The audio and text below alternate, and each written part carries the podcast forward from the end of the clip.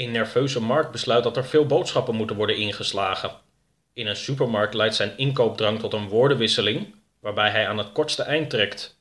Een medewerker van Papa John's drive-thru blijkt niets van een coronatest te weten.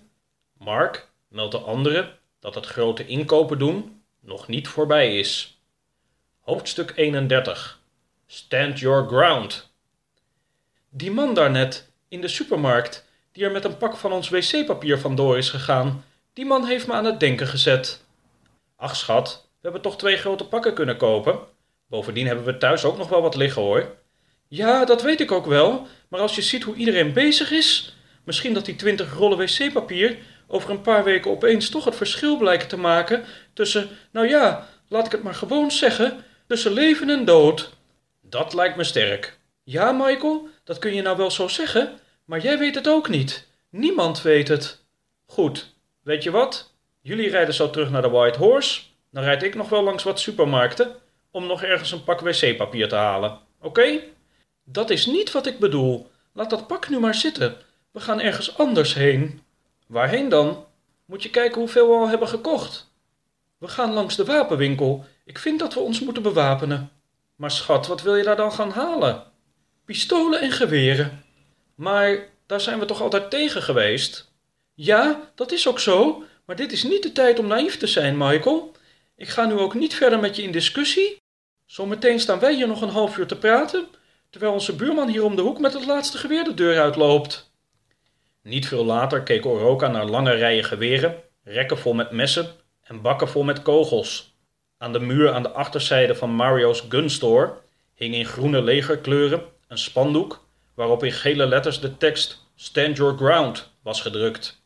Een groot uitroepteken zette de tekst kracht bij. Oroka bekeek het doek aandachtig. Een man kwam naast hem staan. Mooi hè? Verkopen ze hier ook hoor. Twintig dollar zo uit mijn hoofd.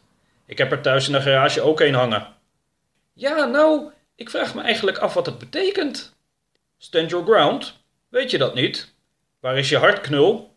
Stand your ground betekent verdedig jezelf. Verdedig je grond, verdedig je huis, verdedig je familie. Kijk, vanavond breng ik mijn kinderen naar bed. Ze trekken hun pyjama's aan, ze poetsen hun tanden, ik lees ze nog een verhaaltje voor, ik wens ze wel trusten en ik knip de lichtjes uit. Dan drink ik beneden nog een biertje, ik kijk nog wat nieuws of wat sport, mijn vrouw strijkt nog wat overhemden of vouwt nog wat broeken. En dan, zo rond een uurtje of elf, gaan wij ook naar bed. Tot zover een normale avond, toch? Ik geloof het wel, ja.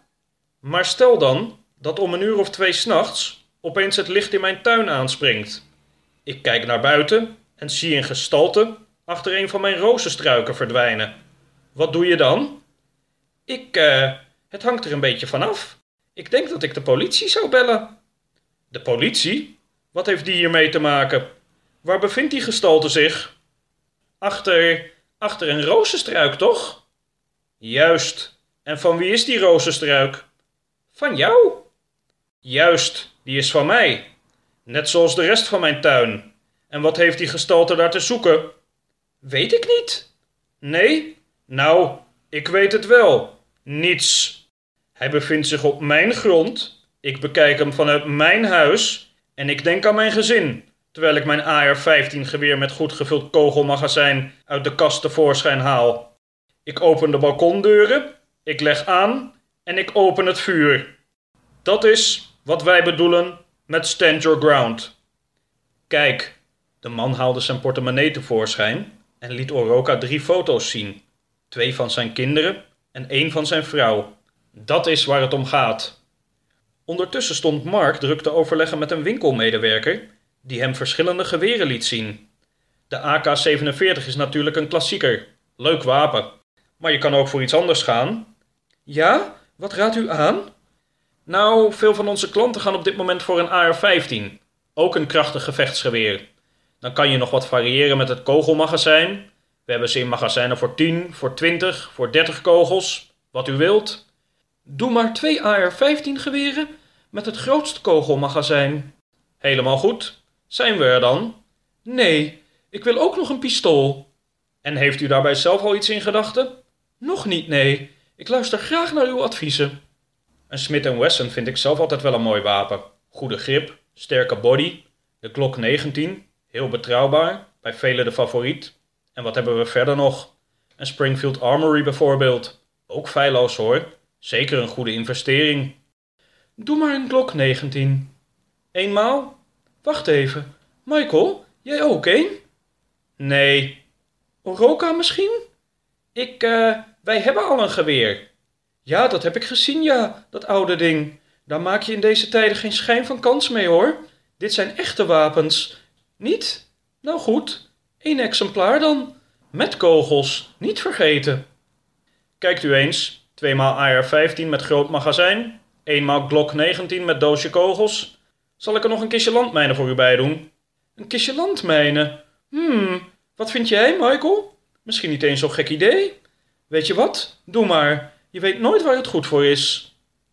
Eenmaal buiten wees Mark naar de lange rij wachtenden op de stoep. Dat hebben we goed gedaan, jongens. Mooi voor de grote drukte uit. Het begon al laat te worden toen het gezelschap terugkeerde bij de White Horse. Uitladen doen we morgen wel, zei Michael. Ik doe nog een paar telefoontjes en dan ga ik naar bed. Ik ben moe. Oroka en Ro namen allebei nog een bord pap, terwijl Wubbel nog wat op het gazon scharrelde. Een uurtje later waren de drie klaar om te gaan slapen en deed Oroka de lichten van de slaapkamer uit. Door een van de gordijnen scheen een zwak licht naar binnen. Oroka stond op en keek waar het licht vandaan kwam. Het was Mark, die beneden, bij de auto's voor het huis, druk bezig was met uitladen. Ro en Wubbel sliepen al. Toen ook Oroka's gedachten wegdreven, brandde het licht nog steeds.